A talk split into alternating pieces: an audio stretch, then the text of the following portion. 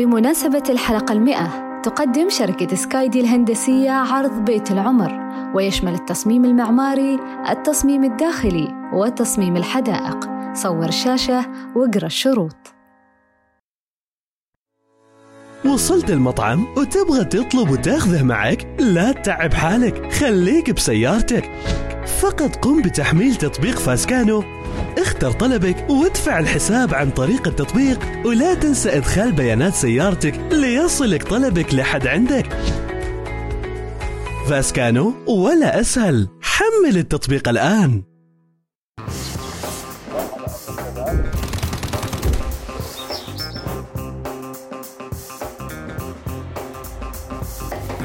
كيف تم؟ دون. بدور بنطلع كيف تم؟ أيوه أيوه دان بسام كيف الأكل تم؟ أيوه دن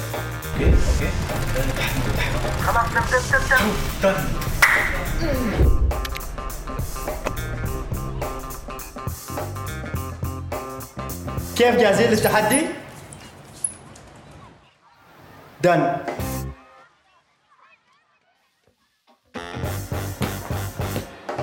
نوصل اللي في فؤادك وأكثر.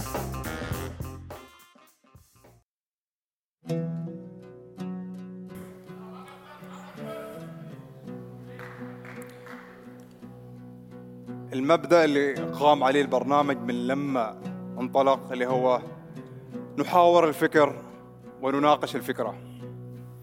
لكن في سلسلة الوجه الآخر الوجه اللي يحمل الكثير من القصص التي لم تحكى الوجه. اللي يمكن كلكم شفتوا عاش تجارب يمكن حتى في الأفلام ما تصير.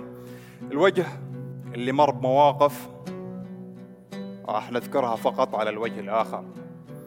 في هذه السلسلة قررنا نروح لأبعد من ذلك اللي هو نشوف هذه الأفكار كيف تكونت وكيف نشأت.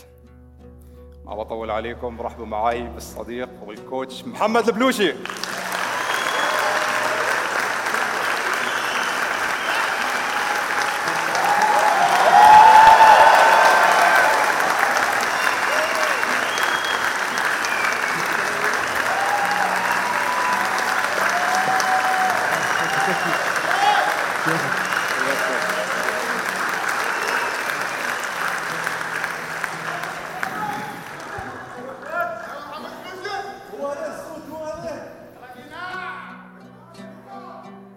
كوتش محمد أنا جدا سعيد وجدا ممتن أنك أنت ضيف الحلقة رقم 100 هذه أقدر أسميها الحلقة الحلم اللي أساسا هذه السلسلة لما جلسنا وتناقشنا نحن كنا قلنا بنسوي حلقة حلقتين ثلاث بعدين نشوف الآن لوين وصلنا.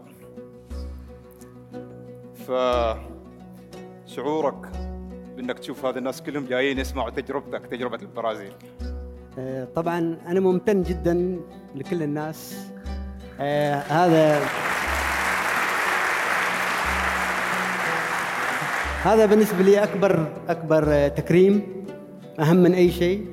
وأيضا آه، حزين شوية على الناس اللي ما قدرت تدخل.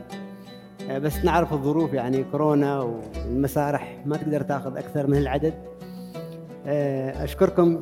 شكر آه، يصل للسماء. الله عليك.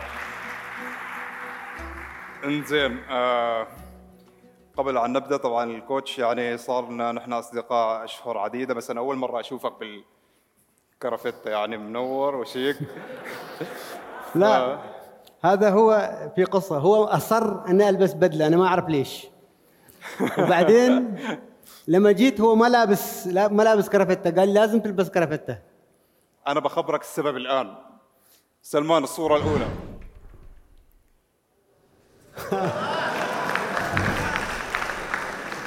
هذا هذا منين منين عرفته؟ طبعا دائما يقول لك إن أنت دائما تلاقي أشباهك الناس الفاصلين الناس اللي يفكروا بطريقة مختلفة. أنا كنت مرة زايرنك البيت زين ولقيت هذا الرجل عريف. إيش سالفته؟ هذا طبعا آه، بنغالي صديق آه، يشتغل يعني يساعد في التنظيف ينظف في البيت. ومرة آه، شافني أنا لابس كان عندي برنامج مختلفون اللي قناة كويتية. كنت ألبس. قال لي لحظة أنا أريد ألبس مثلك. قلت له أوكي. هو ينظف؟ هو إيه وقف تنظيف وقال لي تعال أنا أريد أختار قميص واختار كرافته. ومن هذاك اليوم لما يجي ينظف عندي يلبس كرافتة. قميص. وتعال تحس إن الموضوع طبيعي؟ طبيعي لأنه هو أول شيء صديق. ما, ما أنا ما ما أحب يعني واحد أقول هذا يشتغل عندي أو نحن يشتغل معي. أفضل. أوكي. آه، في مشكلة نحن نعيشها بخصوص الأيدي العاملة هذه الآسيويين وحتى الشغالات في البيوت. يعني نحن نعاملهم معاملة شوية تحتاج إعادة تفكير. نحن دائما لما تقول حال واحد من ربعك تقول له يا أخي خل نفسك مكانهم. لا خل نفسك أنت مكانه هو. يعني أنت تخيل أنت مهاجر مسافر وعايش آه، كنت أنثى مثلا شغالة أنت طول اليوم ما عندك وقت لك. كل الوقت في اي لحظة يقول لك روح سوي شاي روح جيب شاي سوي هذا. ما في حتى system معين. يعني في أمريكا ما في عاملة منزل ممنوع لأن يعتبرون نوع من العبودية. آه، في اليابان في ستاندرد معين في لما كنت في اليابان آه، بيت السفير العماني. فأحد من زملائنا يقول خلي هذا تجيب شاي. قال لها لحظة لحظة هنا ما ينفع هالحكي. يعني هذه تستلم تقريبا ألف ريال. هذاك صاحبنا يستلم 400 بعدين قال أنا آسف أنا أريد أشتغل شغالة في, في اليابان. فانا هذا عامله كصديق آه، هو أيضا شخصية مميزة ينظف ال- ينظف بحب. لما تعامل بحب يعاملك بحب. أكيد أكيد أكيد. بس أنت كيف يعني هاي بتهزم أنا أنا لازم أكثر زياراتي اكتشف شخصيات. إنزين آه سلسلة الوجه الآخر بدأناها من 1975 طبعا حلقات كثيرة وصلنا ل 10 أجزاء. في الجزء العاشر قررنا أن نسوي flash forward بحيث أن نوصل ل 2011 في تجربة اليمن. من ثم آه قلنا أن في الحلقة المئوية بنرجع لتجربة البرازيل. ليش تجربة البرازيل؟ لأن حدث مميز وفي نفس الوقت هي اللي لها علاقة بشغفك أنت اللي هو تدريب كرة القدم. زين بس قبل أن نبدأ هذه أوراق. هاي المحاور. أيوه على أساس إنه بتكون في صور في فيديوهات في كذا في مفاجآت ممكن ان نتبع معها. إنزين بنرجع ل 2008 نهاية 2008 طبعا أنا قررت أترك شغلي في اتحاد كرة القدم. أسافر البرازيل. كان حلم إني أدرس تدريب. أكون جزء من هاي اللعبة الجميلة اللي أنا عشقتها وأنا طفل. بس كان قرار وايد صعب لأنك بتترك آه، وظيفتك وما في حد يمولك. حتى الفلوس القليلة اللي أنت كنت تجمعها ما ما تكفي يعني إنك أنت ما تعرف كم بتطول. فقررت أبيع السيارة. أول شيء رحت حق السيد خالد قلت له أنا أريد أستقيل. طبعا هو انصدم كيف تستقيل؟ وليش؟ قلت له أريد أروح أدرس تدريب. وأنا أعرف يعني ما في جهة بت بتمول هالموضوع. لأن حتى لو مولوك بيقول الآخر أنا أريد ادرس والاخر أنا أريد. ادرس والاخر أنا أريد ادرس فما في معيار معايير معينة. آه، فقلت خلاص أنا ببيع ال- الأثاث البيت ببيع السيارة وبروح. وهي كانت مغامرة لأن أنا فكرت في لحظة لو أنا رحت وما نجحت. يعني ما نجحت في الدراسة. برجع من نقطة الصفر مرة ثانية يعني. أكيد أكيد. هل هالفلوس بتكفي أو ما بتكفي هي في علم الغيب؟ حلو. في هذيك الفترة كنت أترجم مقالات ثمان مقالات آه، في الأسبوع. آه، طبعا ب 200 ريال. فأيضا ما يكفن يعني. لغة إسبانية إيطالية. أيوة. من مقالات آه، لكتاب من إسبانيا من البرتغال من إيطاليا من إنجلترا ألمانيا. آه، الأرجنتين البرازيل. بس كلها كانت بالإنجليزي والإسباني. يعني ما كانت آه، بكل اللغات هذه. فبعنا بعت عفش البيت؟ كل شيء. سياره السيد خالد آه، على مضض وافق ان أنا أروح يعني وتمنى لي توفيق ورحت. طبعا أنا واصل البرازيل. لغتي البرتغالية مكسرة. ما ما ما كانت لغة يعني أعرف كلمات. أوكي. والدراسة بتكون بالبرتغالية. هذا بروح أول تحدي. أنت تدرس بلغة أنت ما تعرفها يعني. صح عندك شغف عندك حب لكن أنت ما تقدر آه، تعرف المصطلحات تعرف الأشياء هذه كلها. زين قبل ان تروح البرازيل هل فكرت تتواصل مع احد هناك؟ أكيد مارسيلو. مارسيلو صديقي من أيام إسبانيا. تواصلت معه. قلت له أنا جاي البرازيل. بنزل مطار ساو باولو. فبحجز آه، عندك بجلس معك كم يوم بعدين بروح ريو دي جانيرو وين أدرس. مارسيلو طبعا هذا المجنون استقبلني. آه، 18 ساعة طير- طيران. أنا نازل منتهي. هذا يقول لي لا. أقول له أريد أروح أنام. يقول لي لا. الحين أنت وصلت. بطوف فوق ساو باولو. زين بكرة. أنا ميت 18 ساعة يعني. يقول لي ما في تعذيب. لف بساو باولو لف. هذه أول زيارة حالة أول بالبرازيل. زيارة. بعدين نمت أربع ساعات صحاني. قال لي تعال نروح آه، جلسة شواء. زين ما أريد أكل الحين أنا الصباح. قال لا نروح جلسة شواء. رحنا جلسة شواء. جلسة غريبة يعني طبعا مثل كل شيء غريب. كان في واحد حزين. ليش؟ ما اعرف طبعا. واحد واحد زعلان. الزعلان ياباني. والحزين برازيلي. في الجلسة جالسين. ناس تاكل تشوى لحم يجيبوا لك تاكل عادي يسولفون. شعب برازيلي شعب طيب. الحين هذا الحزين ما نجح حد في الجلسة كلها إلا جاء عندي أنا يجلس. قال لي أنا أريدك تساعدني. قلت له بيش أساعدك؟ قال لي أنا أريد أبيع جدتي. جدته؟ أنا أقول يعني هذا صاحي صحيح يتكلم. أقول له أنت تمزح؟ قال لا لا أريد أبيعها والله أريد أبيعها يعني. زين أنت ليش تبيع جدتك يعني؟ يقول أنا أحب جدتي ما قادر أعيلها وما أريد أخليها في دار مسنين. يعني أنا تعز علي. زي كيف تبيع جدتك يعني؟ كيف تبيعها في اولكس يعني عاملها كانه قطعه و- خيار وأنا كيف أساعدك؟ قال لي تشوف هذاك الياباني؟ أيوه قال لي هذاك أنا احاول أبايع جدتي وهو ما راضي فأنت لو تساعدني شوي نقنعه يشتري الجدة قلت له زين بكم بتبيعها أنت؟ أنا قلت بمشيه يعني قلت له أنت بكم بتبيع جدتك؟ قال لي بشوف عشرين ألف دولار والله رخيصة والله. زين قلت له زين أوكي. نادي الياباني نادي. هو ما ياباني هو برازيلي بس البرازيل فيها طبعا جالية كبيرة من اليابان يابانيين هاجروا من الحرب العالمية الأولى. المهم الياباني جاء. نتكلم إنجليزي على إسباني على شوية كلمات برتغالية. خبصة صايرة. أنا في البداية فكرت إن أنا ما فاهم هو يبي يبيع جدته صدق. قلت حق الياباني هذا الرجل يريد يبايعك جدته ليش ما تشتريها أنت؟ ياباني قال أنا عندي جدتي يعني. إيش شباب اثنين يعني؟ المهم استمر هالحوار اللي ما منه أي فائده فترة طويلة. بعدين شفت مارسيلو أنا قلت له تعال تعال تعال. قلت له هذا صح. قال أنا ما أعرفهم هذول. قلت له أنا حاشر عمري طول الوقت هذا عشان أنا فكرتهم ربعك. قلت شوف هذا بيبيع جدته. وهذا ما راضي يشتريها. خلصنا من هالموضوع. مارسيلو قال أنا عندي حل.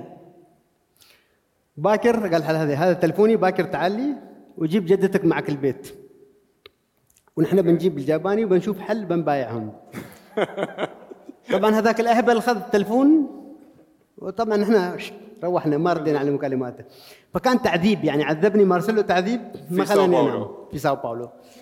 ساو باولو مدينة وايد جميلة من أجمل المدن العالم. طبعا فيها مزيج عجيب فيها الحارة اليابانية. هذاك متحف ساو باولو اللي كان قبل. فيها الحارة اليابانية حارة كاملة يعني كبر الخوض كلها بيوت يابانيين.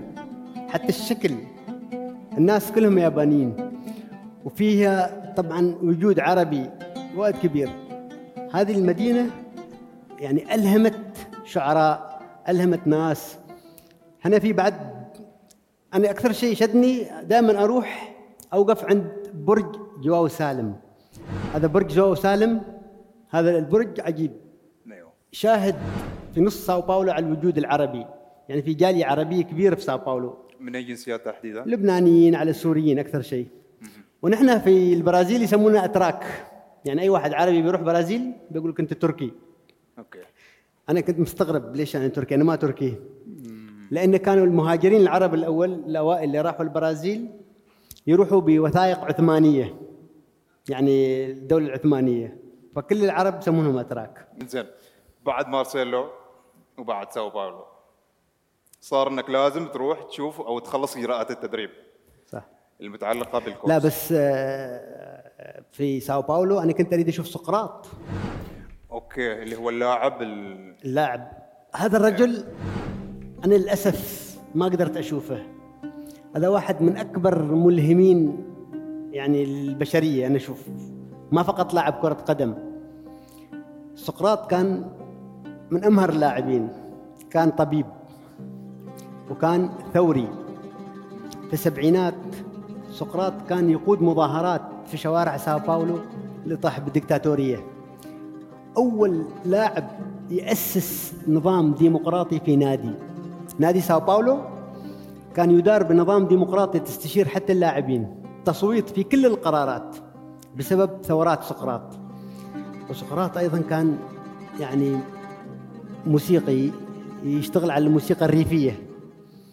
وكان فوق هذا كله أيضا كاتب كاتب مقال في في عن الحياة الاجتماعية عن السياسة عن ما ادري. كنت أريد اشوفه للأسف في 2008 سقراط كان مريض جدا يعني ما نقدر نزوره. أنا حاولت أكثر من مرة أزور المستشفى أزوره بس ما تمكنت من أزوره. يعني أحد أكبر يعني الاشياء اللي أوجعتني إني ما شفت سقراط وأنا في ساو باولو. حتى أنا كتبت مقال كتبت فيه أينك يا صاحب الفانوس. كنت أتكلم فيه عن سقراط الإنسان. الحين محمد ما عندنا لاعبين كرة قدم بهالقيمة الفكرية بهالإنسانية. الحين مجموعة من الفارغين بين قوسين. يعني لاعب يغير ناديه عشان فلوس لاعب آه، يضغط على ناديه يوقعوا له عقد أكبر.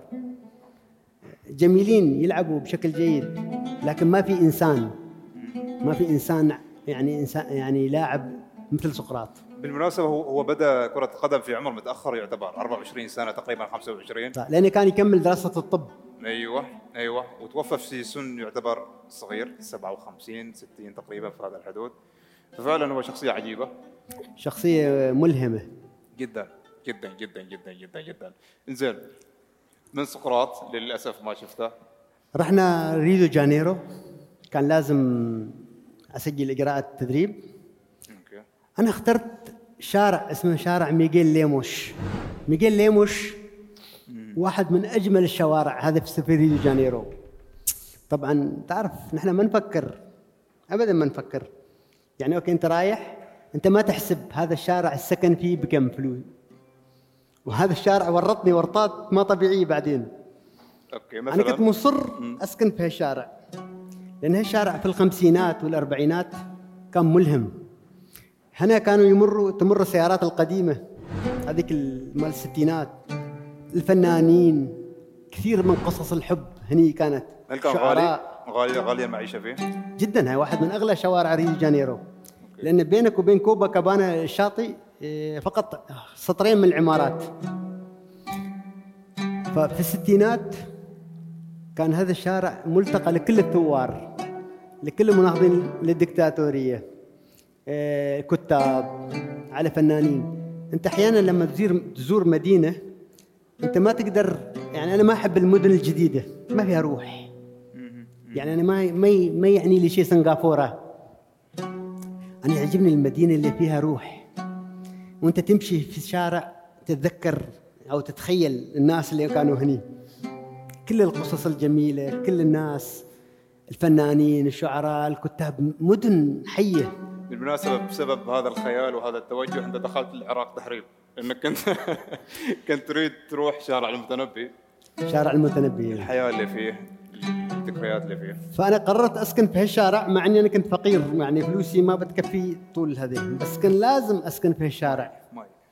وأعيش يعني هالجو. آه، في ميغيل مش كان في في الخمسينات واحد مقعد هذا الشارع هو في الخمسينات. في واحد مقعد اسمه كريستيانو لاكورتي. أنا هذا الرجل لما كنت أقرأ عنه وأنا هنا في عمان يعني قبل سنوات طويلة هذا الرجل مقعد كيف يلهم مدينة كاملة. في 58 لما البرازيل فازت بكأس العالم هذا كان كبير مشجعي المنتخب البرازيلي. وهنا كان يسوي كل اجتماعاته التنظيمية. وكان يسوي يس- يستدعي رجال المافيا. في ميغيليا مش يجيبهم لأن شارع لأن شارع أغنياء. كان يجيب رجال المافيا ويقول لهم تعالوا هنا. لما يجون رجال المافيا هذا بعصابته هذه عصابة كلها من مشجعين كرة قدم. بالهراوات. دق في رجال المافيا دق. كان شخصية عجيبة يعني كانوا يخافوا حتى المافيا الشرطة كل حد يخافه. بالرغم إنه هو مقعد. مقعد مقعد يخوف بلد. كنت أداور أنا في هالمنطقة هذه هذه الأعمدة موجودة هذه المدن الحية. أنا كنت أمشي في هالمنطقة أستحضر في ذاكرتي في بالي أشوف كريستيانو لاكورتي قدامي كأنه يمشي. عشان كذا أنا سكنت هنا. سكنت لك ما طولت فيها لأن جدا غالية. أذكر أذكر في أول لقاء لنا في جلسة كرك يمكن 73 74 لما استضفناك أنت ذكرت إني أنا كنت استقراطي مزيف. شوف أنا عندي فلسفة فلسفتي الخاصة في الحياة. أنا أريد أعيش آه، أغنى إنسان في يوم. ما عندي مشكلة يوم. وأفقر إنسان في يوم. الحياة لما نعيشها برتم واحد مملة. أنت ممكن تصير يعني أوكي ميسور الحال متوسط. أنت ما جربت شيء جديد. أنت تخلص الثانوية تروح الجامعة تشتغل على طول تروح تتسلف عشان تشتري بيت. على طول تروح تتسلف تشتري سيارة وتتزوج تجيب أولاد تعيش 20 30 سنة في وظيفة واحدة وت- وتنتهي وتتقاعد. أنا أريد اعيش غني. وايد أحب اعيش غني. اريد ألبس أحسن ملابس وأريد أعيش فقير. أروح مطعم اللي عزمتك فيه مال البنغالي ب 600 بيسة. وما زلت أروحه يعني ما زلت لليوم أروح هذا المطعم. لأن أحيانا ما يصير عندي فلوس عادي لأن أصرف فلوسي كلها. أوكي. فكان مهم ان أعيش في هالشارع يعني خلاص أنت من بعد 10 15 20 سنة بعد الآن باجي أتذكر أقول أوكي إيش ال... إيش الجديد؟ إيش ما سويت يعني أنت؟ تعيش آه، عشت ارقى أماكن في ميلانو وأتعب أماكن في القاهرة. عادي جميل جدا. آه بعدها خلصت؟ لا بعدها بدأت أدرس. بدأنا ندرس. أول يوم أصلا أحد الأسباب اللي خلتني أروح البرازيل لأن في هذيك السنة كان كارلوس ألبرتو توريس بيكون هو يعطي المحاضرات. أنت طفل كنت دائما تسمع كارلوس ألبرتو توريس. بطل كأس العالم. بطل كأس عالم. واحد من أفضل 11 لاعب في التاريخ في احصائيات الفيفا كظهير أفضل ظهير أيمن. وشخصية عجيبة. بيصير face to face مدرسك. هذا مثل ما أنت تحب سينما تحب السينما و- وفجاه يقول لك في كورس اللي بيدرسك آل باتشينو. أنت بس تريد تشوفه يعني ما لازم تدرس. فأنا سجلت. ورحت آه، أدرس.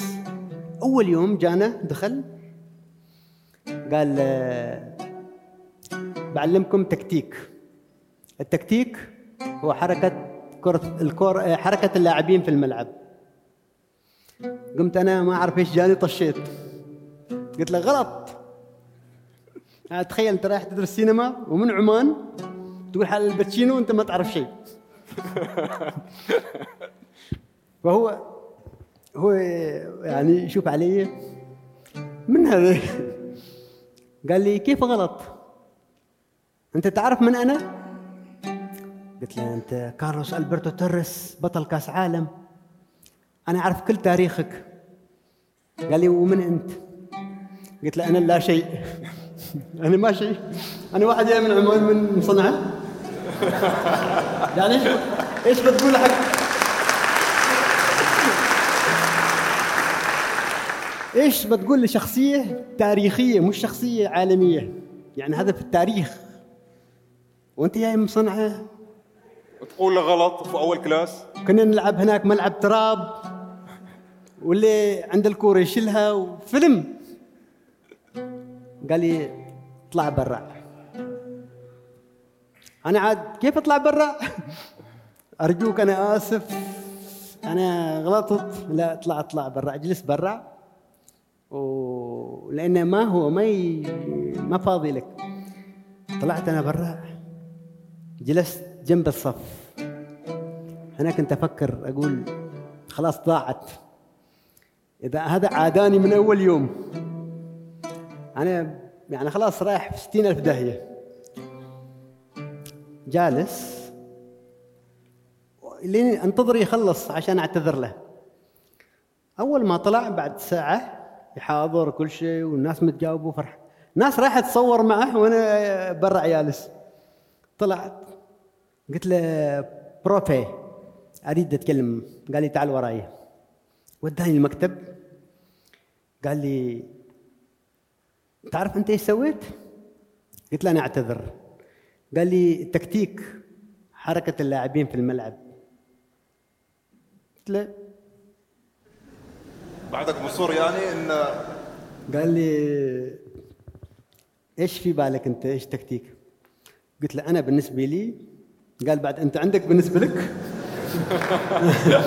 العالم كله شيء وأنت بعد مخلي نفسك عندك بالنسبة لك.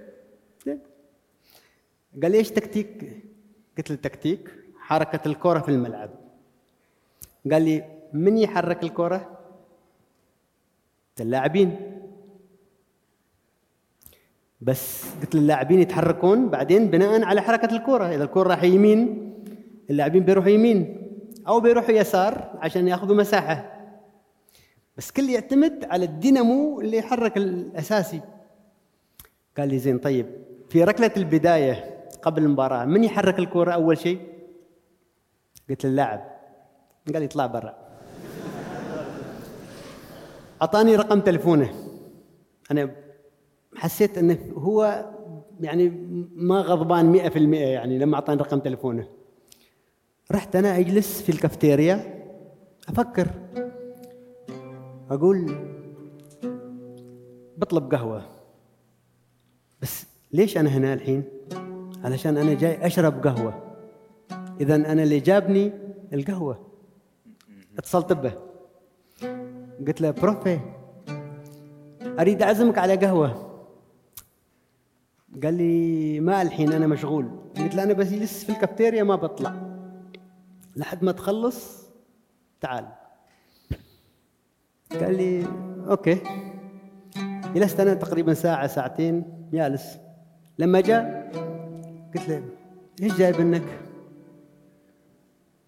قال لي أنت دعيتني على أشرب قهوة. قلت له اذا القهوة هي اللي جابتك. قال لي أنت أنت تريد تقول تكتيك حركة الكورة؟ أساسها؟ أساس التكتيك قلت له أساس مجيئك دعوتي بس لسبب معين اللي هو القهوة وأساس وجودي أنا هي القهوة هنا. فالمحرك الرئيسي لنا نحن هي السبب القهوة. قال لي بس أنا سألتك من يحرك الكورة لما الحكم يطلق صافرته؟ قلت اللاعبين لكن هذه ما تكتيك هذه starting of the game لحظة البداية. لما تصفر كحكم أنت ما حركت ما سويت تكتيك. ما هو قبل ما اللاعب يحرك الحكم إذا يصفر قال لي آه. قال لي بكرة تعال ال class وأعطي محاضرة حق ربعك آه، أريد أشوف أريد أسمع. قلت بس أنا برتغاليتي ما أوكي يعني. قال لي جرب بالإسباني بيفهموك شوية وأنا بساعدك. ومن يومها الرجل تبناني بأمانة. كان صديق. يعني تخيل أنا شخص أسطورة كنت تحلم تلتقي فيه. حتى دائما لما هو ينكت علي بعد أحيانا. لما يقول شيء بعدين يقول آه أنت موافق؟ أنت بطل عالم موافق؟ آه، طبعا انحرج هذا إلياس ألميدا اللي طلع قبل شوية. أيوه. هذا لما تبناه هذا. أيوه. طبعا في ال في ال في في في المحاض في ال في, ال في هذاك الوقت كان كارلوس ألبرتو توريس زلوار إلياس ألميدا هذول كانوا أساتذتنا. أنا كنت وايد سعيد.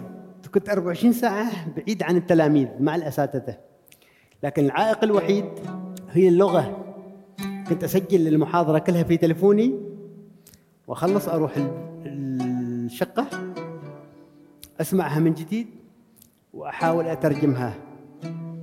يعني تخيل ياخذ منك ثلاث ساعات عشان بس ما تضيع عليك شيء. لكن هذا خلاني أنا الترجمه يرسخ أكثر في بالك. أوكي إيش الطريقة اللي كنت تتبعها عشان تتقن البرتغالية بسرعة؟ لا هو أنا دائما اللغات لما تبى تتعلم لغة أول شيء لازم يكون عندك شغف مهول. ويكون عندك صبر مهول أيضا في نفس الوقت. يعني أنت ما يصير تتعلم شوية وبعدين تقول آه أخذت كورس فرنسي بس ما كملت. ما عندك هاك الصبر. اثنين لازم تسوي لك يعني قواعد خاصة فيك. يعني تحاول تربط هذه اللغة بأشياء أخرى بمواقف ما اعرف إيش. هذا بيساعدك تتعلم. وأفضل طريقة إنك تتكلم مع ناس دائما بلغتهم حتى لو تخبص. ماشي مشكلة. تخبص لين تشبع. أوكي. جميل جميل جميل جميل بدأت تتعلم شوي شوي شوي شوي وتدريجيا هو وصى علي قال نقلوه من ال grade B إلى A إلى professional لأنك كل ما أبدأ نسوي تمرين أو نسوي شيء هو يقول لا هذا أوكي.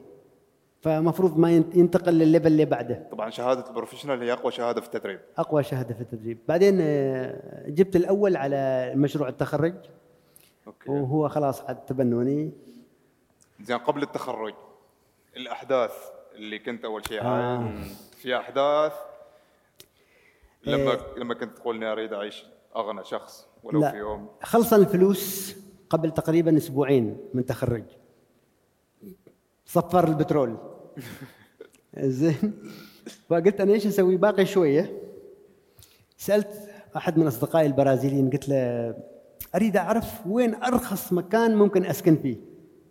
في ريو دي جانيرو. قال لي الفافيلا. هذا بيوت الصفيح هذه بيوت على التلال وكلها عشوائيات. طبعا الناس اللي هناك يعني صعبين جدا. قلت له بكم؟ قال لي ناس بتأجر غرفة يمكن توصل 700 بيسة عماني في الليلة. هذا ما يصير ولا ربع نجمة. قلت له أوكي. بس قال لي منطقة خطيرة جدا يعني ممكن يقتلوك عادي. لأن هني في الفافيلا أحيانا الفافيلا أنواع أول شيء عشان بس المشا... يعني المستمع يعرف. في فافيلا منظمة حارة عادية جدا. وفي فافيلا الشرطة ما تقدر تدخلها. كوماندوز فقط لازم يدخلوها عشانها كلها جرائم. لأن كلها عصابات و... عصابات ومخدرات وما أعرف إيش. الطريق أصلا عشان تطلع الفافيلا متعب. تمشي مسافة مني كيلوين درج. أيوه لأنك وإذا ضيعت لأن الدرج بنسكك إذا ضيعت تخش في زاوية عاد جلس دور خاصة واحد مثلي أنا ما يعرف يعني. أحيانا أنا أتوه يعني أتوه وأدخل في مناطق وايد صعبة يعني يقول لك أنت إيش جاي انك هنا؟ زين السؤال هنا أن أنت كل الصور اللي كنت تظهر فيهن كنت تظهر بسوت وكشخة وشيك. فطبيعي أن أنت لما تروح في. بيوت الصفيح شوف آه هني لما سكنت آه طبعا كان بيت من الصفيح مترين في مترين كبر هاي الزوليه في لمبة وفراش بس. حمام طبعا مشترك. كل أكاسيد الكربون فيه. وايد متعب كان بأمانة. هذه المناطق وايد فيها مشاكل. فأنا قررت ألبس جنس وقميص واحد فقط. الحقيبة مال السفر في سيارة واحد من الأصدقاء خليها خليتها.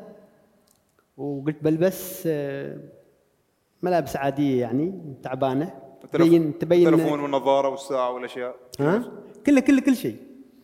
وهي بس نفس البنطلون ونفس هذا الق- القميص. أنا لما أنزل أستحم في حمام عمومي في ريو دي جانيرو. عشان. ويجيب هو بسيارته ألبس واتعطر واتحلق وأروح الكلية برنس. أرجع الفافيلا أرجع أحط كل ثيابي داخل ألبس نفس الشيء وأطلع. هناك يسألوني أنت من وين؟ قلت له أنا من كوبا. كوبا؟ okay. بعدين انت إيش جاي تسوي هنا؟ ادور الشغل.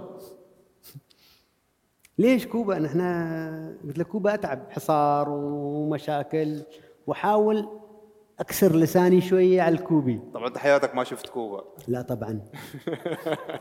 مثل لما كنت مخلي عمري مطرب عراقي. مطرب عراقي من المصنعه فهو يسألني عن فيدل كاسترو يسألني عن كوبا يسالوني عن كيف الحياة هناك. أنا خربط أي شيء من المعلومات العامة طبعا. ما أقول أي كلام. كم تقريبا جلست هناك؟ جلست تقريبا آخر أسبوعين. بس كانت متعبه متعب. لا أنت تشوف لأن بينك وبين جارك صفيح. أنت تسمع كيف يعنف زوجته كيف يضربها. أنت تشوف مشاهد ما طبيعية يعني. تدخل في تفاصيل آه، يعني مرعبة أحيانا. اللي يجيك كل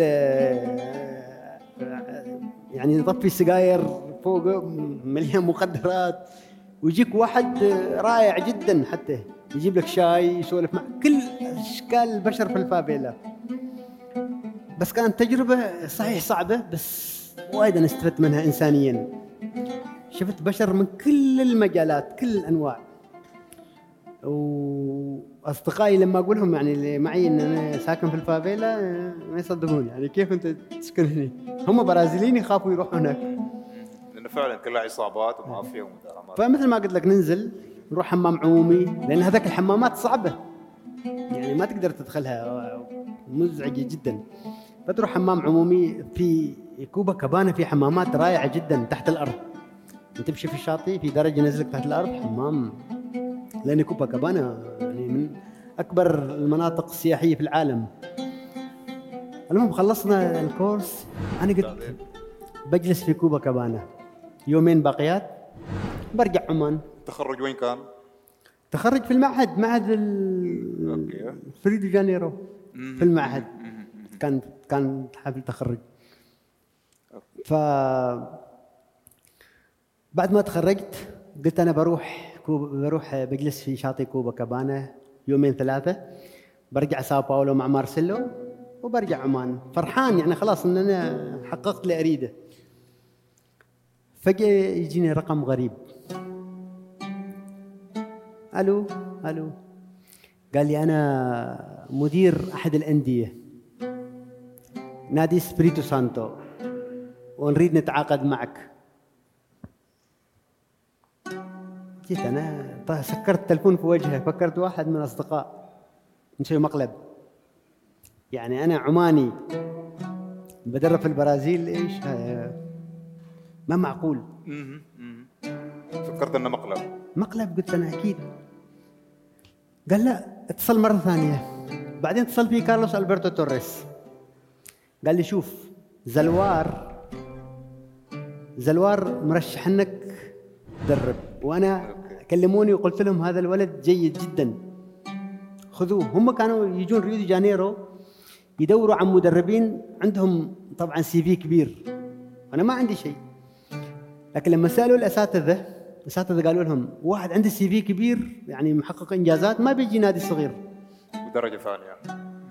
قالوا زين نريد واحد عنده خبرات. قالوا واحد عنده خبرات. هاي نفس مشكلتنا هنا. يقول لك تخلص تخرج تتخرج يقول لك كم خبرة عندك؟ كم شا... كم سنة خبرة أنت؟ قال قالوا لهم إذا واحد عنده خبرات 20 سنة وما مسوي شيء ترى إحنا وادي عندهم خبرات في البلد بس ما مسوين شيء. يقول لك ما بيسوي لك شيء لأن 20 سنة هو يشتغل ما سوى شيء. صح. صح عنده خبرات. ليش ما تجربوا واحد عنده أفكار جديدة؟ يمكن ينفع. سمعوا أفكاره ما أدري إيش. فكارلوس لما اتصل فيه قال لي رد على التلفون الحين. رديت اتصلت أنا. قال لي أنا برونو قلت له أنا أعتذر منك. قال لي أريد أجيك ريو جانيرو بنلتقي. okay. نلتقي. ونتباحث. رحت أنا فرحان. أنا في الطريق ماشي قلت أنا بوقع أي شيء. حتى باكر يفنشوني. ليش؟ بدخل تاريخ. يعني أول مدرب عربي يدرب في البرازيل. ما مشكلة باكر يفنشوني برجع عمان بقول عندي خبرات.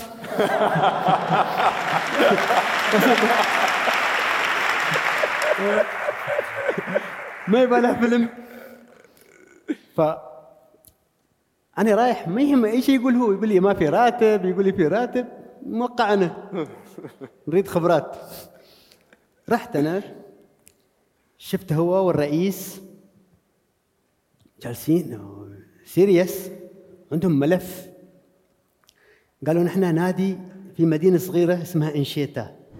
هذا ضمن مقاطعة سبريتو سانتو جنب ريو دي جانيرو. طبعا هنا أنت لما وقعت هذا العقد؟ توقع العقد مع الرئيس. الرئيس أصلا لما قالوا لي الرئيس اسمه أنا فرحت. اسم الرئيس كاكا. قلت كاكا يعني طبعا على اسم اللاعب البرازيلي. قلت أنا هذا خلاص صديقي بيصير. أوكي حلو. فالرئيس قال لي شوف عندنا مشاكل. ما عندنا ملعب نتمرن فيه. هذا أيضا وقت تسليم التدريب؟ هذا لا هذا حفل التوقيع. أيوه حفل توقيع مم. فيقول عندنا مشاكل كثيرة. ما عندنا ملعب نتمرن فيه. تخيل فريق كرة قدم ما عنده ملعب يتمرن فيه. الشيء الثاني ما عندنا أيضا باص. يعني نمشي مشي. يقول المشاكل الحالية بس بنحاول نعالجها عشان تفهم أنت إيش الوضع. أنا قلت له ايا كانت المشاكل؟ بوقع. أنا بوقع وبحاول أعدل في الوضع شوية. بعدين قال لي بجيب لك روبرتو باجيو قلت هذا يسخر مني بيجيب روبرتو باجيو أسطورة. قلت باجيو معتزل. قال لي صح. بس بنعطيه فلوس. بنقول تعال البرازيل أنا أنا طبعا عارف إن باجيو مستحيل مستحيل بيجي لي. درب تحت يدينك بعد أنا بصير مدرب على باجيو يعني okay صح هذاك درسني كارلوس ألبرتو توريس بس باجيو قلت له هذا بس أنا عجبني لما هو قلت له ليش؟ قال ليش مستحيل؟ قلت أنا هذا الرئيس فاصل هذا بيكون معي okay خبرتك أنت تلاقي إشباهك قلت له ليش باي ليش م- قال لي ليش مستحيل؟ قلت له باجيو ما بيجي قال لي أنا بروح البنوك بقول لهم بجيب باجيو بيعطوني فلوس بروح أجيب باجيو انتهى الموضوع انت ليش زعلان؟ قلت له okay قال لي أنت موافق يعني؟ قلت له تريدني أدرب عشان بتجيب باجيو ولا تريدني أنا أدرب أدرب أوافق؟ قلت له أنت أعطيتني مشاكل. والآن تيجي تقول لي بجيب لك باجيو. أنت تروح تجيب أنت عشان أنا أوافق يعني؟ قال لا لا أنا أريد أجيب باجيو.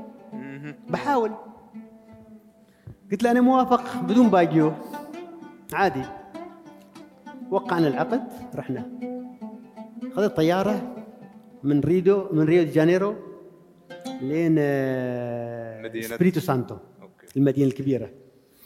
استقبلني نائب الرئيس انيزو ركب مع انيزو وشغل FM. قناة رياضية. طبعا كل ال- البرنامج ضدي. أنا بعدنا ما واصل. هذا النادي يعني مسوي شيء غبي جايب مدرب عربي يدرب في البرازيل. وواحد يقول هل جايب مع الجمال يعني جلد ومسخرة و... كان تهكم. تهكم بطريقة يعني وايد مزعجة. ليش كنت تحس؟ هو أنيجو يقول لي يغير الموجة. قلت له أرجع الموجة. خليه خليه. يقول لا تهتم هذا صحفيين عادي يعني أنت تعرف برازيل ضغط وشو يعني عادي. بعدين قال لي شوف ترى إحنا فريق ما محبوب في المدينة. بعد. قلت أنا أوكي. أنا الحين لازم أسوي شيء يعني على الأقل ما يقولوا عربي ومش عربي والسوالف هذه وما أعرف إيش. هذا ولد عندي تحدي تحدي غريب. عادي ما بنام أنا في الليل. بفكر كيف نسويه بشوف أي طريقة أخلي هاي كل الحارة والمدينة الصغيرة أنشيتا اللي فيها ال... تشتعل. اسمها إيش؟ أنشيتا. أنشيتا. أنشيتا. أريد أنشيتا هالمدينة اللي يعني حتى القس مال الكنيسة يكون جزء من فريق. أريد آه، المطربين شعراء الناس العمال. لازم أفكر فكرة أخليها يعني كل الناس مرتبطة بالفريق. لكن إيش المفاجأة؟ أول ما وصلت حتى اللاعبين كانوا يضحكوا علي. لاعبين يشوفون علي كذي. ويتهامسوا. ف قلت جهاز الفني أتكلم معهم. ما حد مهتم. كيف بتشتغل أنت يعني؟ تخيل أنت حطوك في مؤسسة كل حد رافضنك فيها. اللاعبين الجمهور كل حد رافضنك خلاص ترى موقعين ماشي حل. أوكي. إيش فكرت في وقتها؟ ها؟ إيش فكرت في وقتها؟ لازم أمضي للأمام. ما في. الرئيس مجنون. على الأقل في واحد. في يعني مؤمن يشبهني يعني. زين نرجع للمشاكل اللي سلمك إياها. المشاكل. المشاكل. كان أول شيء لازم أفكر وين نتمرن فقلت حق مدير نادي خلينا نلف في انشيته أول شيء انشيته مدينة جدا جميلة يعني رائعة جدا. فأنا فكرت في المصنعة. لما كنا نتمرن في التراب. عادي. هناك على الأقل في حشيش. يعني ثاير حد يجز الحشيش ونسوي جولين ونتمرن تتخيل فريق يلعب في كرة قدم محترفة. هو ليش ما عندهم ملعب؟ البلدية ما تعطيهم الملعب لأن ما دافعين. ما دافعين الرسوم. عليهم ديون. عليهم ديون وما يريدوا يدفعوا فلوس. ماشيين طف شفنا مدرسة. قلت له خلا ندخل المدرسة هذه. دخلنا. شفت المدرسة في ملعب مجهز مرتب؟ جاتني فكرة. قلت أنا أريد أشوف المديرة. ودوني عند المديرة. قلت لها أنت عندكم ملعب. أنا أريد أسوي شيء يفيد المدرسة. عندكم مطعم؟ قالت لي أيوة عندنا مطعم. قلت لها أنا أريد نحن أجيب اللاعبين نسوي عقد معكم ناكل في المطعم. بتكسبوا فلوس كمدرسة. فرحت وايد هي. بس بشرط تعطونا الملعب نتمرن فيه. المساء. قالت okay. مدير نادي يشوف علي يقول لي المطعم. قلت له ما هو نحن كذي كذي اللاعبين بياكلوا يعني في مطعم عادي. خلينا ناكل في المدرسة. وبعدين already نحن مخلصين. بنستحم بناكل كل شيء موجود. بس الهدف من كل. هذا هو الملعب. هو الملعب. ملعب بناخذه ببلاش. وافقوا خذينا الملعب. باقي الباص. أنا النادي حجز لي بيت صغير. جميل. أشوف واحد جاي لابس شورت ما لابس فانيله كرشه كذي. وحاط طفل فوق ظهره. قال أنا اسمي. دودو قلت له okay. قال أنت لازم تطلع من هذا البيت. okay. قلت له وين أروح؟ قال أنا عازمنك في منطقة. ه- هذا ملعب النادي المدرسة اللي خذيناها أيوه أيوه. قال أنا اسمي أنا أريد. وهذا المطعم؟ هذا المطعم هذاك لاعبيننا كانوا يأكلوا. وهذا اللي يشتغلوا أصلا اوريدي في المدرسة الطباخات أيوه. أكل اكواب بلاستيك. عادي عادي. زين. كلت معهم أنت تشوف هذاك آخر واحد؟ أيوه. هذا كان أستاذي. الياس الميدا لما قلت له أنا جاني عرض أريدك تكون مساعدي. انت تروح تقول حق أستاذك تعال تشتغل معي مساعد. هو أول شيء جلس يشوف علي ربع ساعة. أنا ما أعرف ترى ما عندي حد. يعني أنا لازم يكون واحد أنا أثق فيه على الأقل الباقيين النادي بيوفرهم. بعد ربع ساعة قال لي أوكي. أنا بتشتغل معي أنا مساعد. قال لي أيوه. قال أنا جالس أفكر بتكون تجربة مثيرة جدا.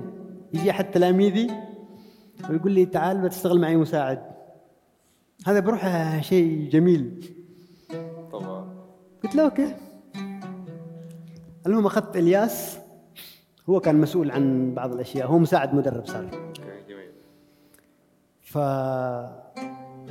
بعدين دودو هذا قال لي أنا أريد تنتقل من بيتك تجي تجي تكون بيت جنب بيتي. قلت ليش؟ قال لي بس كذي قلت له النادي حاجز لي بيت؟ قال لي أنا ما لي علاقة بالنادي. أنا أحب أنت تسكن جنبي. okay. قلت له ليش زين يعني أسكن جنبك؟ قال عشان أنا أريد أهتم فيك. ما خلاني ابدا. رحت كلمت الناس منو هذا قالوا هذا أهم واحد هنا. أي مشكلة هو يتدخل يحلها. وأي سلام هو يخربه. هو لازم يكون موجود. أنت آه، عندك حبيبة هو بيفتن بينكم. من يفتن بينكم؟ بيصالحكم. ولازم يكون موجود. زي لحظه بالمناسبة نحن في صورة حالها هو دودو. هلا لا المهم. على أساس الناس يعيشوا الخيال يشوفوا كيف شخصيته هذا الغريب. فأنا فكرت في جزئية إذا في مشكلة هو بيحلها.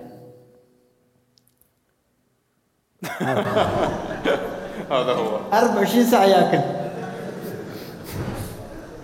وهو دائما كذي طبعا هي كلها خرط. ما شيء من هذا.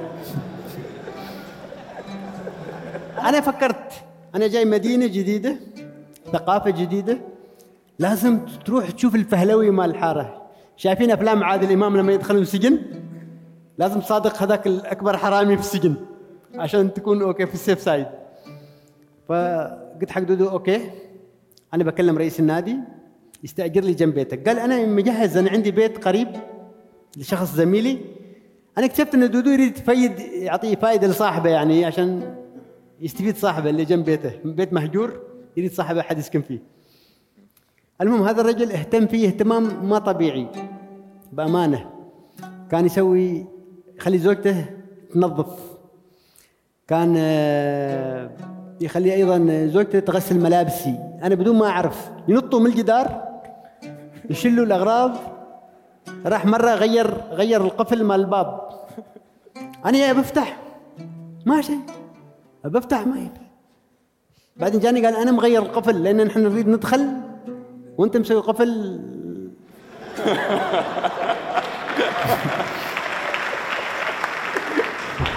قلت له هذا بيتي بيتي أنا. قال أيوه أيوه بس أنا أريد أدخل. عادي يعني.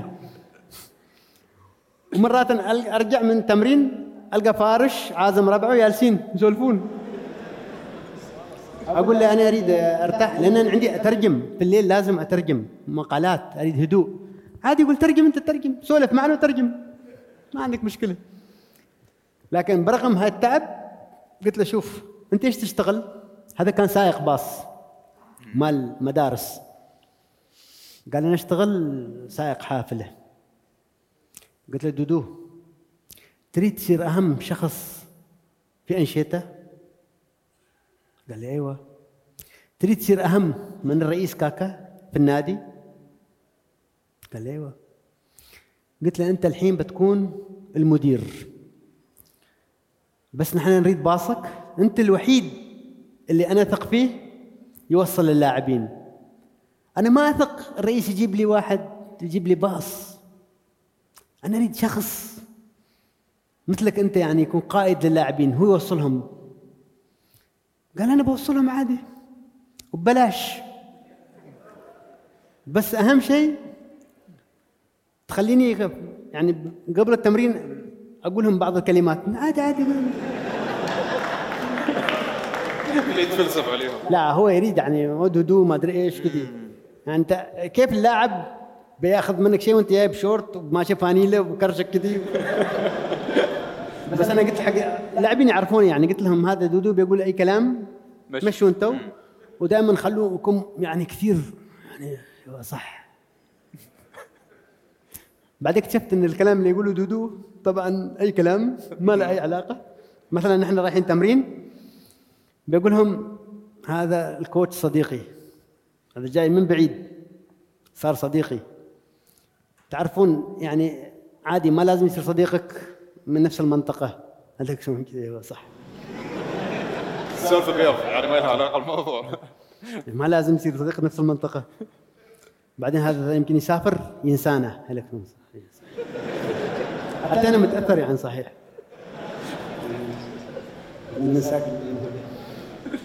ويمكن ما ينسانا نقول أيوه ما يمكن ما ينسى. المهم هو عايش جوه فحلينا أزمتين أزمة المواصلات الملعب. الرئيس طبعا طار من الفرحة. طبعا باجيو ما باجيو ماشي منه. ما سمعنا شيء يعني عن باجيو بعدين أنا فكرت أجيب لاعب عماني. فكرت في هاني ضابط. هذيك السنة. كنت أريد أول شيء أريد أنا كنت أحتاج مهاجم. تعرف دائما أنت تروح مكان تبى تجيب شيء يخص بلدك. كلمت هاني. قلت له هاني أريدك تجي البرازيل بتلعب معي في سبيريتو سانتو إيش رد عليك؟ هاني فرح. قال لي متى؟ قلت له الآن بعد أسبوع. لازم تكون واصل. قال لي ما أقدر. موقع كان في هذيك الأيام عقد مع بي إن سبورت حل تحليل. كانت الجزيرة أيوه. الرياضية. يقول كابتن أنا موقع ممكن تنتظروني؟ قلت له ما نقدر ننتظرك لأن في وقت لتسجيل لاعبين. فكان يعني خسارة كبيرة إنه ما يجي لاعب عماني. على الأقل واحد يسولف معه شوية بدل دودو. وأخلي هاني ودودو يتورط معه. هاني كثير حزن وكثير رحب كان حاب يجي. بس فوزي بشير آه، لما عرف السالفة عصب عليه قال أنت مجنون. إيه، خلي بين سبورت وجزير روح العب في البرازيل غير. أنا ما فكرت فوزي لأن أنا كنت محتاج مهاجم. المهم بدأنا نتمرن. أول ما أبي أسوي تمرين مدرب اللياقه يقول لا. ما ينفع كوتش كذي ما ينفع. نحن متعودين كذي. أبى أسوي شيء المساعد المدرب الثاني يقول كوتش هذه أفكار غريبة يعني خلينا نحن نسوي كذي. هذا بعدكم ما بديتوا مباريات ابدا لا لا، نتمرن أول أيام أنا فكرت في فكرة. أي تغيير عشان تقنع الناس بالتغيير لازم أول شيء تقنعهم إن اللي قاعدين يسوونه غلط. ما يصير أنا أجي أقول لك تعال غير من نفسك. أو تعال سوي كذي أو سوي كذي أو تعالوا نسوي مشروع.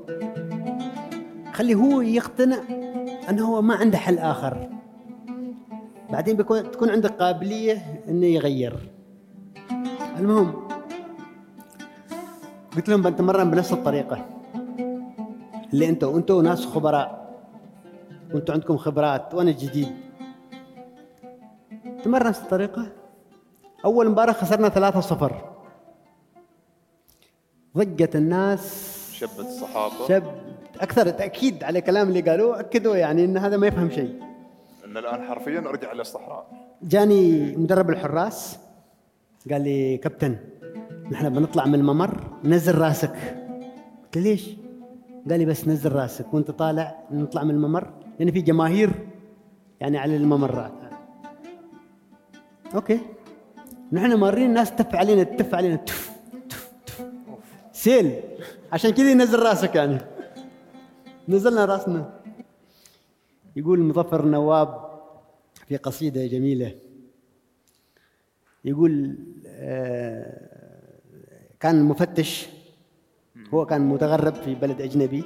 والمفتش يطلب منه آه، الهوية. أو تذكرة ال- هي. يقول وتحني رأسك للمفتش ليس احتراما له بل لثقوب البطاقة. كانت هويته منتهية أصلا والبطاقة مال الترين مثقوبه نحن اضطرينا ننزل رؤوسنا ونمشي. تفلوا فوقنا التفال جماعة اللاعبين. قلت لهم أي حد يسألكم؟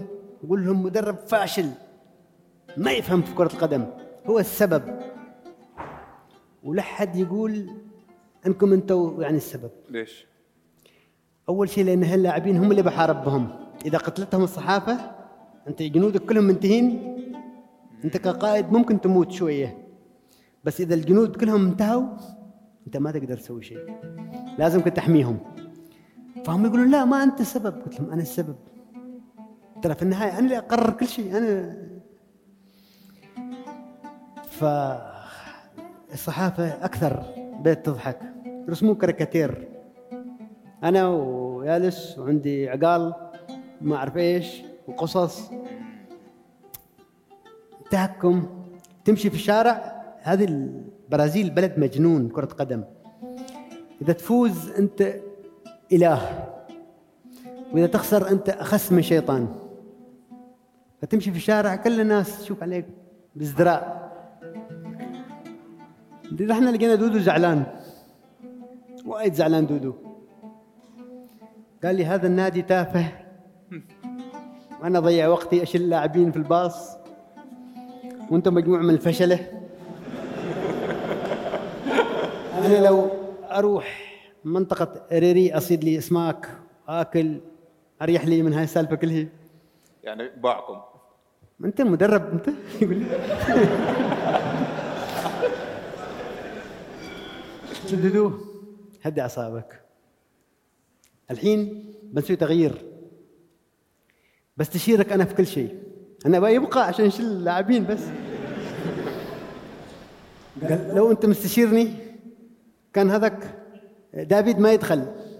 من هذا ديفيد؟ واحد لاعب دافيد ما يدخل. يدخل فلان يدخل. كل واحد ترى يفتي. okay. هذا حال كرة قدم كل واحد بيفتي. قلت له خلاص دافيد ما نريده نحن. من بعد؟ قال لي أكيلس الحارس. زمان حارس حارس تعبان ثاني. قال أنا بدر حارس قلت له أنت ارتاح ارتاح. بسوي تغييرات بستشيرك بس أنت ما يصير تدخل الملعب أنت خليك كذي. كبير. باكر يجيبون عليك جول الناس بتكرهك. قال لي أوكي. المهم رحت جمعت اللاعبين الجهاز الفني. قلت لهم شوفوا تمرنا واشتغلنا نفس الطريقة اللي أنتم تشتغلوها. وهذا الكلام ينطبق في كل المجالات ترى على فكرة. نحن الآن هنا عندنا قطاعات كثيرة في الرياضة في الإعلام. نشتغل بنفس الطريقة. وكل مرة نقول عندنا مشاكل الوضع ما يتغير. ما نسوي أفكار جديدة. نعيد نفس السيناريو نفسه نغير أشخاص. أوكي فلان راح جاء مسؤول آخر. جاء مدرب آخر جاء ما أدري إيش آخر. لازم تروح أفكار تجي أفكار ما أشخاص. لازم نغير فكرة. يعني في الإعلام لازم أفكارنا تتغير في الرياضة أفكار تتغير ما أشخاص. ما مهم شخص. فقلت لهم نحن لعبنا بطريقتكم. شفتوا النتيجة؟ بعدين أنتم دائما تلعبوا بهالطريقة ودائما تتمرنوا بهالطريقة.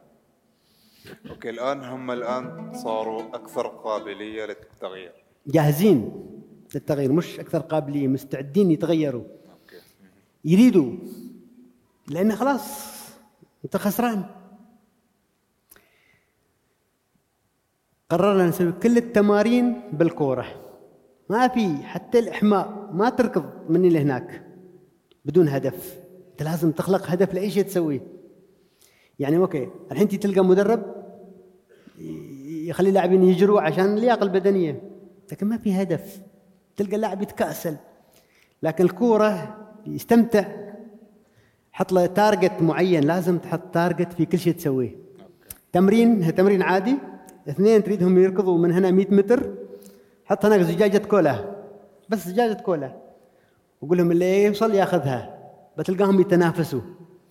ترتفع عندهم روح التنافس. يريدوا يثبتوا. بعدين قلت كلكم تجيبوا زوجاتكم حبيباتكم أمهاتكم النساء فقط في التمرين. ليش؟ الرجل ينضبط لما يشوف حبيبته. يشوف أمه يشوف زوجته. اللاعبين صاروا منضبطين ما حد وكل واحد يحاول يصير نجم كل واحد يريد يبدل كل واحد يريد يسجل جول. صارت متعة أكثر. أطفالهم يجون. بعدين آه، كان يوم الأحد كنت أروح معهم الكنيسة. الكنيسة الافنجليكيه آه، البروتستانتية طبعا. في أنشطة تبشير ما طبيعي بالدين البروتستانتي يعني بال- من المذهب البروتستانتي. البرازيليين كاثوليك لكن الولايات المتحدة بريطانيا تضخ مبالغ ضخمة جدا لأن البرازيليين فقراء عشان يغيروا. مصادفة القس اصله لبناني. فأنا رحت هناك قلت له أنا أريد أتكلم. قال لي أنت مسلم؟ قلت له أيوه. قال لي قلت له أريد أتكلم يوم الأحد مع الناس. في الكنيسة. في الكنيسة. قال لي إيش بتقولهم؟ بتروح تقول لهم لا إله إلا الله؟ بتكلم بقول لهم أنا سعيد إن الدين المسيحي واصل هنا لأنه طلع من فلسطين من أرضنا يعني وهذا شيء يشرف ان نحن في هالمنطقة الجغرافية البعيدة. يعني آه، طلعنا دين وصل لهنا يعني وصل للبرازيل. ال- الله هو الرب. طبعا الله بالنسبة لي يحفظكم الله. وما الفكرة كانت إن أنا أسوي ربط مع المجتمع أكبر. يشيلوا سالفة عربي يتعاطفوا معي حتى دينيا. يشيلوا سالفة إن أنا غريب. فبدأوا. بعدين القس كان يجي الملعب. لأن أنا عندي أربع خمس لاعبين متدينين بطريقة يعني مطوعة. مطوعة وايد هذله 24 ساعة. كل ما تسوي شيء يسوي. 24 ساعة. ما في شيء. طيب كلوا زين لحظة. يقرأ دعاء ويقرأ ما أعرف إيش. زين وقت. قلت لازم أقترب منهم عشان أقنعهم بالتغيير بهالأشياء. المهم كل هاي الأشياء ساهمت في رفع الروح. والتارجت الهدف دائما كل تمرين في فائز وخاسر. أنا ما عندي لاعب يلعب. لازم يفكر بالفوز والخسارة 24 ساعة. يفكر بالفوز ويخاف من الخسارة يكره الخسارة حتى في التمرين. لازم هو يتمرن حتى لازم يريد يفوز. تزرع فيها الروح. ولازم يفوز أمام حبيبته أمام زوجته أمام أمه أمام بنته الصغيرة. لازم يفوز. فصار يعني تنافس غير تنافس تغير غيرنا التمارين. كانت الفكرة الكورة التكتيك كله على الكورة. أنا كان مشروع التخرج مالي ميكانيكية اللعب. تحويل من خطة إلى خطة بطريقة من ستايل دفاعي إلى هجومي بطريقة transition.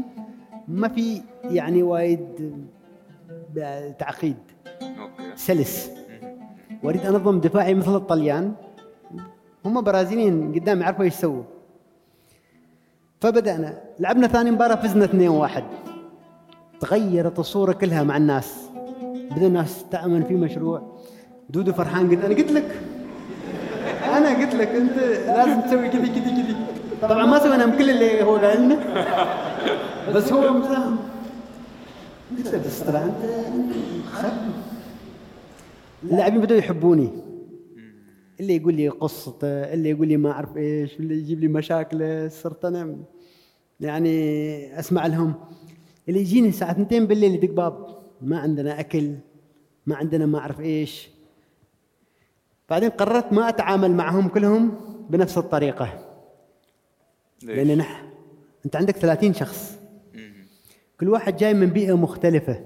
أكبر خطأ يسويه أي مدير وأي مدرب أن يتعامل أو حتى قائد عسكري يتعامل مع لاعبين أو جنوده بنفس الطريقة.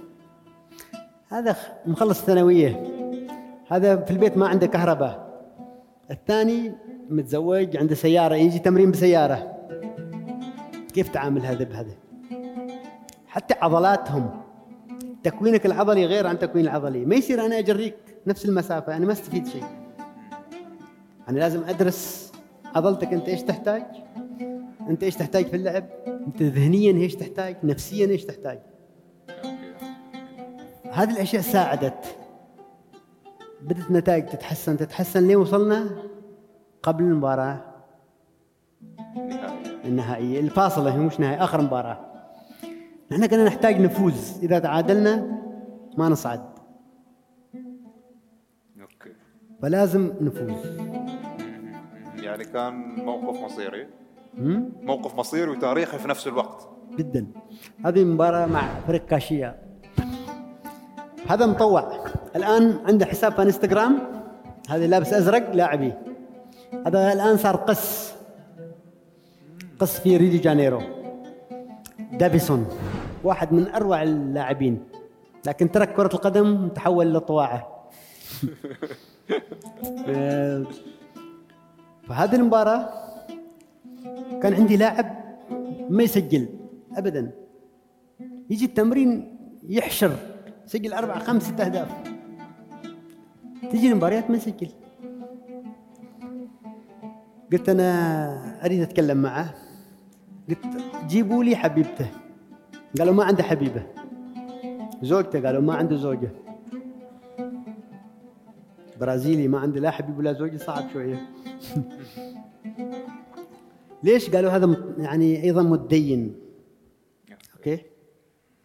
خليه يجي جلست معه أشوف الرجل عنده مثل ما تقول stress ما طبيعي في حياته الشخصية. المهم أنا هذيك الليلة طلعته داورت به دخلت في اختبارات عجيبة ذهنية. آه، ط- طول يعني لو قلناها. وبعدين وديت الكنيسة. جلسنا أنا في الكنيسة طول الليل. قلت له كم أخطاء عندك أنت؟ قال لي أنا مليان أخطاء. قلت له زين استغفر. عيش بعدين أنت وغيرنا يعني نحن أنت وعندكم المسيح عمل السكرفايس يعني ضحى بنفسه عشان يكفر عن أخطائكم فأنت ما عندك مشكلة إذا أخطأت. لأنك أنت لو ما أخطأت فكرتك لصلب المسيح خطأ. المسيح بيكون صلب نفسه في الفاضي. بدأ يفكر. المهم اليوم الثاني لما لعبنا مباراة خلينا أساسي. سجل هدفين وزميلي سجل هدف فزنا 3-0 طرنا من الفرحة بشكل هستيري. المباراة الفاصلة كانت. فاصلة يعني صرنا الثاني صعدنا الدرجة الأولى لأول مرة في تاريخهم. رحنا نحتفل مع اللاعبين بالصعود طبعا فتحنا الإذاعة. كل العالم تغني نفس المذيعين. آه، عربي يقود عربي ما أدري إيش عربي عماني يعني أنا حسيت إنه بدأوا يعني رجعون كان في في مانشيت ده أوماني سامبا. هذاك في في الجرائد طلع. يقول آه، التحدي العربي. لأن بعد ما فزنا في هالمباراه لأنه كان الصحفي يقول لهم هذا العربي تحداك إنه ينجح ونجح يعني. ف أنا طلعت في اليوم الثاني في الشارع كأني رئيس جمهورية. الناس كلها تهتم تحب. فكانت أيام جدا جميلة. ديسابيو داس عربس هذه الصحف اللي نزلت ثاني يوم. طبعا بس كنت وايد سعيد إن نحن سوينا شيء حل اللاعبين. اللاعبين كانوا وايد بسطاء وايد جميلين. جميل جميل جميل جدا. بعد هذه التجربة هل فكرت إنك تجدد معهم؟ لا أنا عارف إن هالنادي ما ممكن يعني يستمر. بي بي بينزل. ما عنده مقومات للاستمرار. أحيانا لازم تعرف متى توقف. إنزين هنا بعد الاحتفال وبعد التخرج وانت الأول على الدفعة. إنزين هل قررت مباشرة ترجع لعمان ولا شوية بعدك تجلس في ال... البرازيل لا لا خلاص أنا كنت أريد أرجع عمان. زين نحن عندنا فيديو حصري يمكن يعرض لأول مرة لاي لأي وسيلة اعلام من مدير النادي في البرازيل. Grande amigo Belucci, tudo bem? Então, que passagem a nossa pelo Espírito Santo, hein, meu amigo? Que passagem. É, o que eu tenho para falar desse período no Espírito Santo foi uma amizade que eu fiz enorme com o Belucci, um grande amigo, um grande profissional.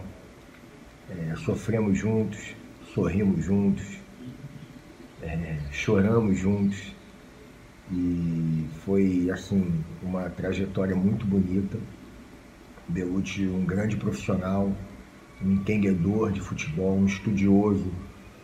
É, a gente viveu lá um período de uns três meses, é, sem muita estrutura, com problemas financeiros e conseguimos é, levar o clube, né, o Espírito Santo Futebol Clube, ao seu objetivo, que era subir para a primeira divisão do estado.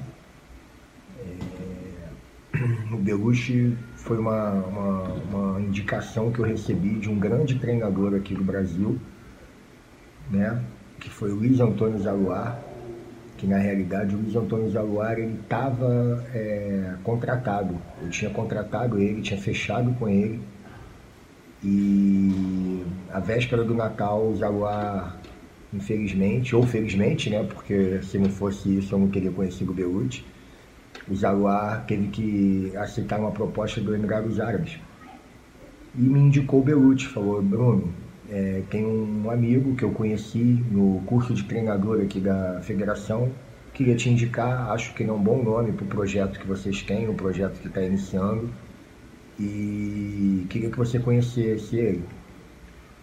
Me encontrei com o Belucci no Rio, apresentei o projeto, ele na mesma hora de prima já falou: eu quero, estou com vocês e vou cumprir com a meta programada. Isso foi uma coisa que me deixou muito feliz, porque ele, ele foi firme na, nas palavras dele. E fomos para o Espírito Santo, montamos um time lá é, na cidade de Anchieta, né, um lugar muito bonito, uma cidade pequena, mas muito bonita. É, e fizemos a nossa trajetória lá e com uma rodada de antecedência a gente conseguiu a nossa meta, que era subir para a primeira divisão. Tem algumas histórias engraçadas e bem legais. É, a gente tinha um atacante, Belucci vai lembrar, a gente tinha um atacante, David, da Bahia, ele era de Salvador, e ele não tinha feito nenhum gol o campeonato inteiro. E a gente teve um problema lá, uma desavença com ele, é, por problemas disciplinares, e o presidente falou para mim assim, Bruno, eu quero que você afaste o David. E aí eu sentei com o Belucci e falei, Belucci, e aí? Ele, pela indisciplina dele, ele, ele deve ser afastado. Aí o Belucci falou assim, nunca esqueci, Bruno, deixa comigo, deixa comigo. Conversou com o David, não sei qual foi o teor da conversa, mas conversou. E no último jogo do campeonato, a gente ganhou de 3 a 0, dois gols do David. Belucci, um abraço, muita saudade de você. É, torço pelo seu sucesso. Você é um cara do bem, muito amigo. E aqui, ó, para encerrar, algumas lembranças aí, ó. Largo até hoje as reportagens. Até hoje. Grande amigo. Beijo.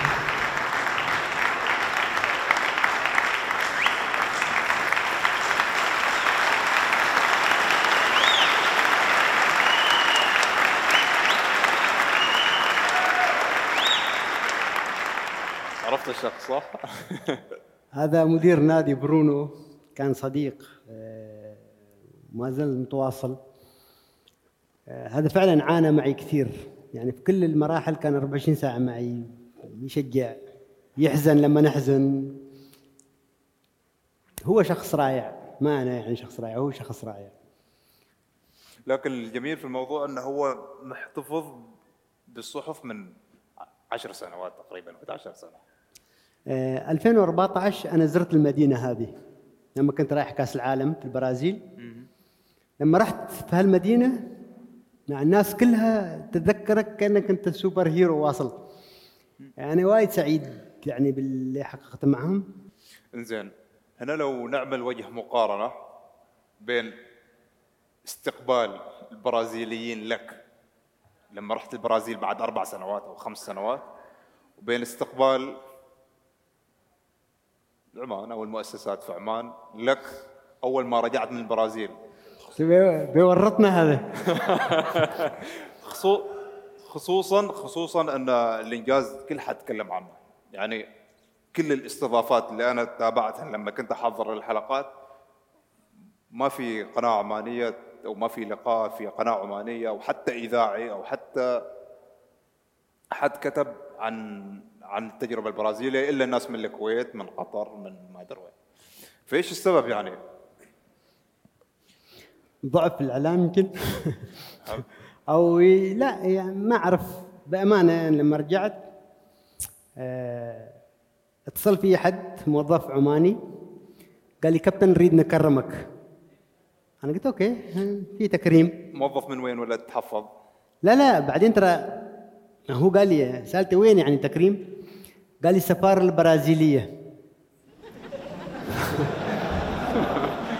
السفير البرازيلي لما عرف إن أنا واصل اتصل رحت السفاره عمل لي تكريم آه، قال لي إن شاء الله نحاول يعني نساعدك بأي شيء تريد. بعدين حتى في 2011 لما رحت روما البرازيليين أرسلوني إلى روما كل شيء. يعني ال- ال- المحزن في الموضوع إن التقدير يجيك من الخارج ما يجيك من الداخل. هذا أجمل تقدير.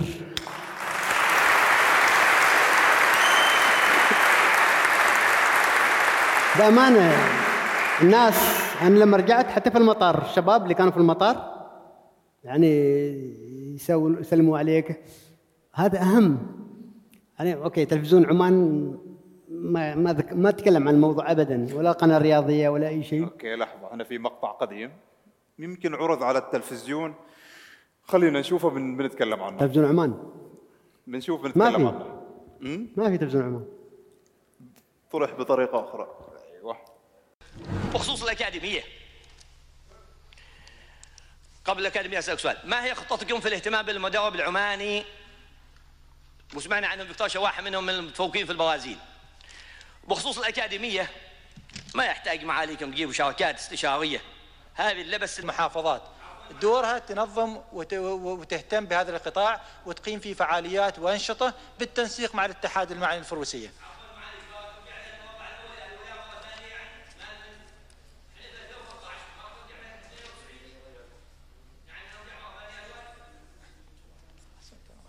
أحسنت سعادة التعقيب المدرب ما قال عن المدرب الوطني عن المدرب. المدرب ما قال عنه شيء. شيء بعده كلام آه، شكرا سعادتك. موضوع المدرب العماني إن شاء الله يعني إحنا مهتمين فيه وبنهتم فيه حتى كهرباء. الكهرباء بندت. حتى الإضاءة بندت. هو شوف هو شوف. آه ه- هذه الفترة ال- مجلس الشورى يتضارب مع وزارة الإعلام فنحن ما نريد بكرة يطلع هاشتاج متضامنون مع جلسة كرك فخلينا أو متضامنون. أو انقذوا الكوتش محمد. لا لا شوف. إيش إيش إيش تعليقك على المقطع؟ طبعا إذا سعاده العضو أو أي شخص يناقش موضوع على مستوى مجلس الشورى يعني في تكريم من الناس هذا أهم شيء. طبعا ما تواصل معي ال... على فكرة هذا الوزير آه، كان زميل دراسة. يعني كنا ندرس مع بعض. كنا ما نلاعب كورة. بجد جد والله. آه كوتش. نحن جدا سعيدين. أنا شخصيا جدا سعيد إني تعرفت عليك كشخص اولا كإنسان ثانيا بالمناسبة ال- الكوتش محمد نحن بالرغم اننا أصدقاء لكن يزعل مني بشدة إذا تأخرت عليه. الرجل حتى في حياته الشخصية محترف. أكثر واحد تأخر. تعرف إيش مشكلتنا نحن في عمان؟ أو بشكل عام واحد يقول لك الساعة 8 أنت تسوي المستحيل عشان تيجي الساعة 8 يجيك الساعة 8 و10 دقائق كأنه ما صاير شيء.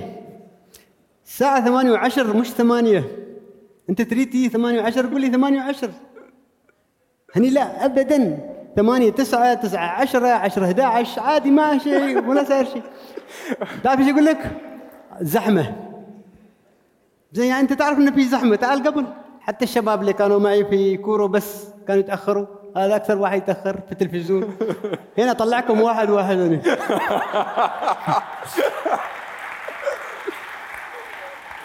في دقيقة في دقيقة تسجل هدف فوزك كأس العالم بكأس العالم. في دقيقة تغير أشياء وايد. يا أخي تعال تريد تيجي عشرة تعال عشرة. تريد عشرة ونص قول عشرة ونص ما تقول لي عشرة. أوكي أنا تو لازم أحاتي الوقت لازم أحسب لك إذا تأخرت علي يوم من الأيام. أنا بقطع علاقتي بك الحين خلاص.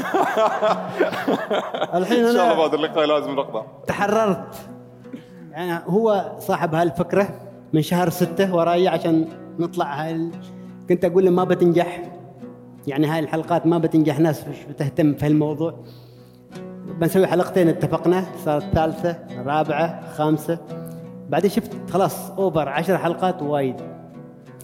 في كثير قصص نحن قلناها في كثير قصص ما قدرنا نقولها لأن في في ساعة ما تقدر تختزل سنوات. في وايد مواقف أنا أنساها طبعا. حتى اليوم أنا يمكن كثير أشياء بروح أتذكر بقول "أوه، أنا ما قلت هالموقف. آه بعد هذه تجربة برازيل في عشر سنوات من الجنون. بتستمر إن شاء الله أنا ما أعرف كم بعيش بس بحاول أكون مجنون لأبعد مدى يعني. وأشكركم يعني انكم شكرا كوتش.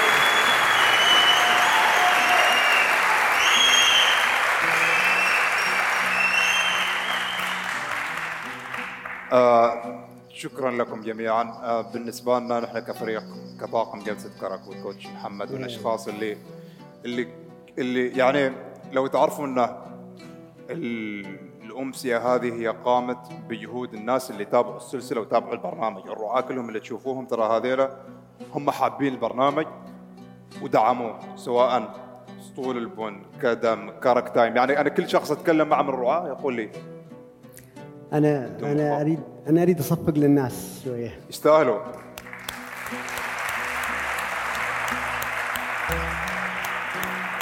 يستاهلوا الناس.